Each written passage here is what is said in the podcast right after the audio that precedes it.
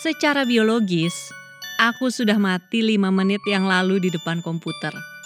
Cerita ini diketik oleh seekor kucing putih coklat yang malasnya tak tertahankan.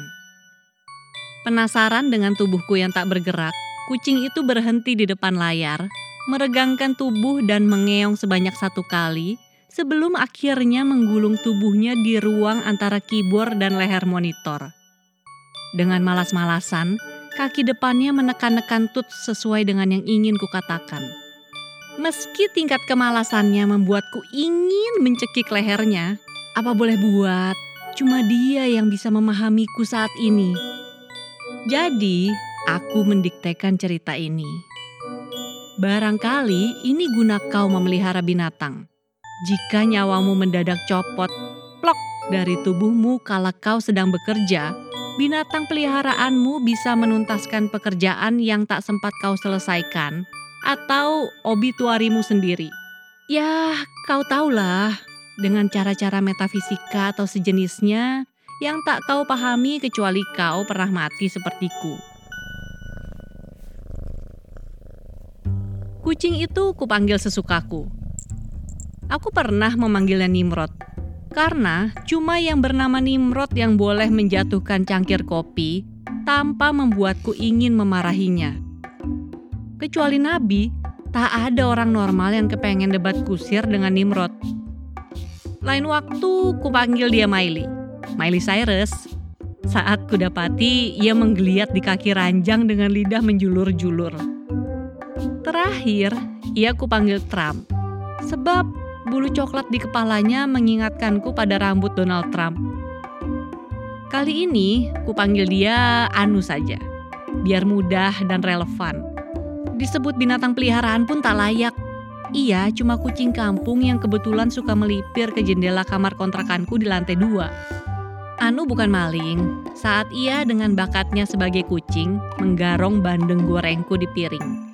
Ia melakukannya karena Ya, memang begitulah kucing. Karena ia terus-terusan melakukannya, apa boleh buat? Kuputuskan untuk berbagi lauk dengannya. Ia dapat 5% dari laukku dan aku sisanya. Bukan pembagian yang adil memang, tapi meski begitu Anu nampaknya tak keberatan. Buktinya, ia selalu kembali. Hingga hari kematianku, aku tak tahu jenis kelamin Anu.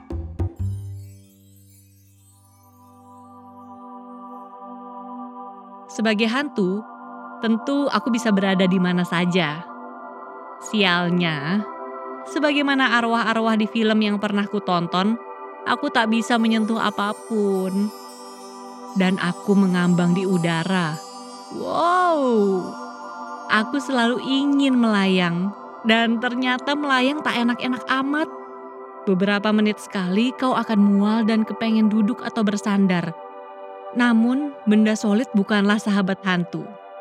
Jadi, satu-satunya cara terbaik adalah dengan terbiasa dengan rasa mual. Heran juga sih mengapa hantu bisa merasa mual. Dan yang paling mengherankan, ternyata aku masih kepengen buang air besar. Baru lima menit mati, aku sudah kepengen buang air besar.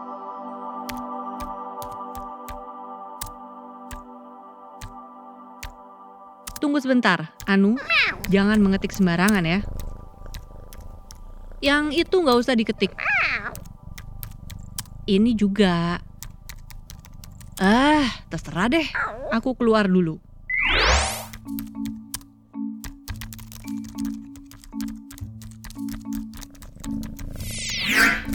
Anjing, apa yang kau lakukan? Berhenti injak-injak keyboard, Anu. Aku baru kembali dari bulan. Awalnya iseng aja, kepengen tahu seberapa tinggi aku bisa terbang dan apa sih rasanya buang air besar di udara. Karena bulan sabit adalah objek paling terang di langit malam ini, maka aku memutuskan pergi ke sana. Penasaran juga, ingin tahu rasanya berak di bulan. Ternyata gak cuma aku aja yang penasaran, hantu-hantu lain pun.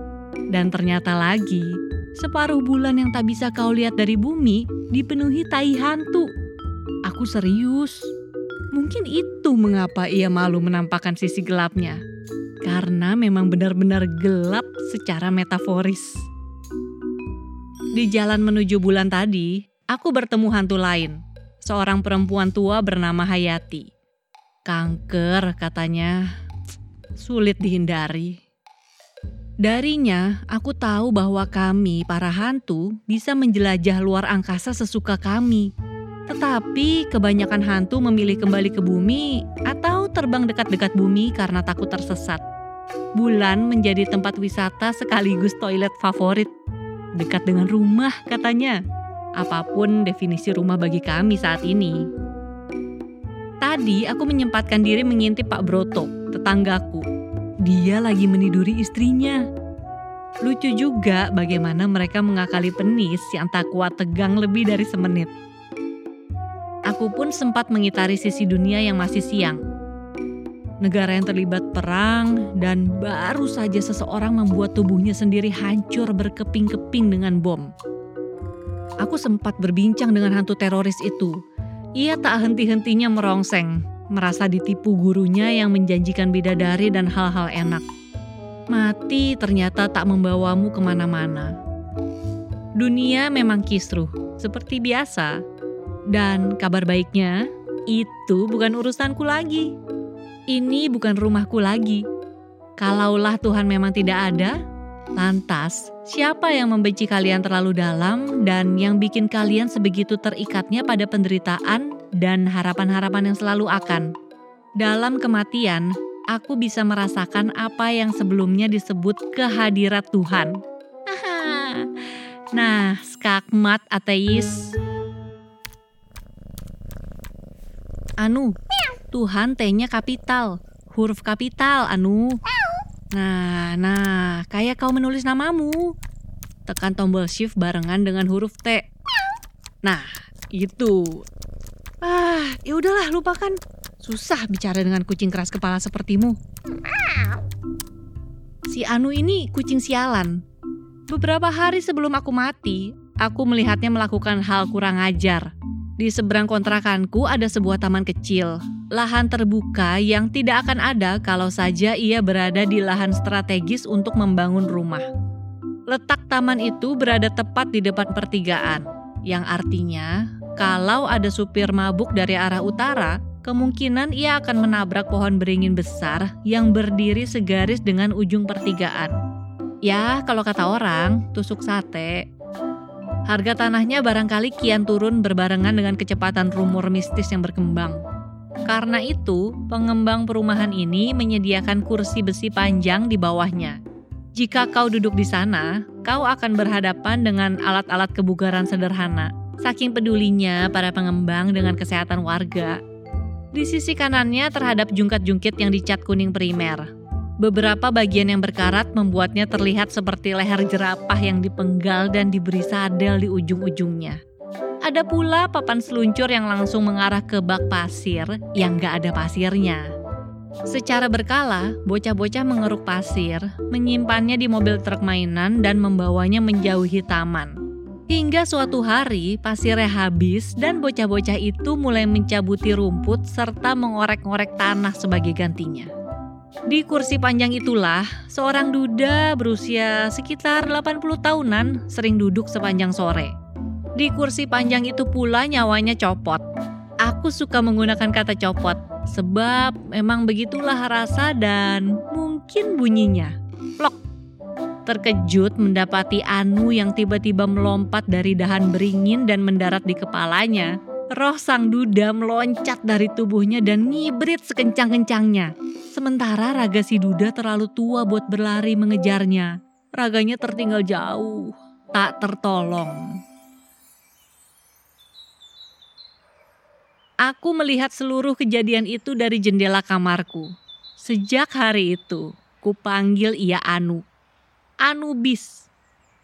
Dan dengan cara yang hampir mirip, di dalam kamarku, di depan Microsoft Word yang masih sekosong kepalaku, kucing itu mencopot nyawaku.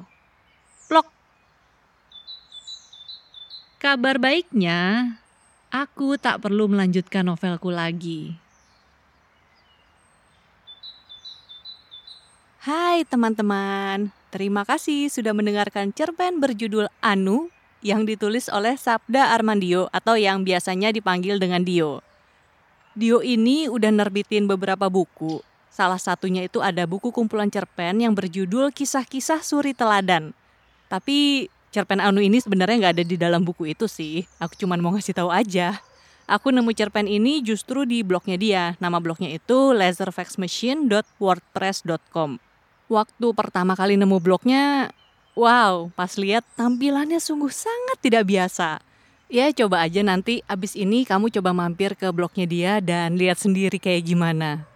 Nah cerita Anu ini buatku sih kocak banget. Terus juga absurd dan aku milih tentunya ya memang subjektif banget ya karena ada kucingnya.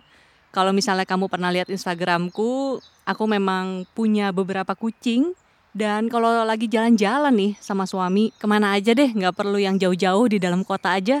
Hobinya emang juga hunting kucing, jadi harap maklum. Tapi di samping itu aku juga emang suka dengan gaya penceritaannya Dio. Dia tuh selalu menyisipkan pesan tipis-tipis di balik gaya berceritanya yang kesannya selengean. Nah, aku juga ngobrol dengan Dio soal cerita di balik cerpen Anu dan ada juga obrolan soal buku-bukunya Dio yang lain kamu bisa dengerin di bab yang berbeda di podcast Main Mata juga. Segitu dulu bab kali ini. Kalau kamu suka dengan karyanya Sabda Armandio dan juga dengan pembacaan cerpennya, kami akan berterima kasih sekali jika kamu mau merekomendasikan bab ini atau podcast Main Mata secara keseluruhan ke teman-teman kamu yang suka baca buku dan juga suka dengerin cerpen audio. Caranya bisa dengan klik tombol follow di Spotify Podcast Main Mata, lalu share bab ini ke media sosialmu, mau Twitter, Instagram, Facebook, apa aja. Kalau mau kasih saran atau masukan juga boleh banget. Bisa di M atau mention di postingan yang berhubungan dengan bab ini. Kalau Instagram di @potluckpodcast atau di @patricia.wulandari. Misalnya di Twitter bisa di @podcastpotluck atau @patipatigulipat. Jangan lupa juga untuk dukung jaringan Potluck dengan subscribe di YouTube dan platform podcast lainnya. Untuk informasi lengkap seputar episode terbaru yang akan tayang dari channel-channel podcast yang ada, follow jaringan Potluck di Instagram @potluckpodcast. Sampai jumpa lagi. Dadah.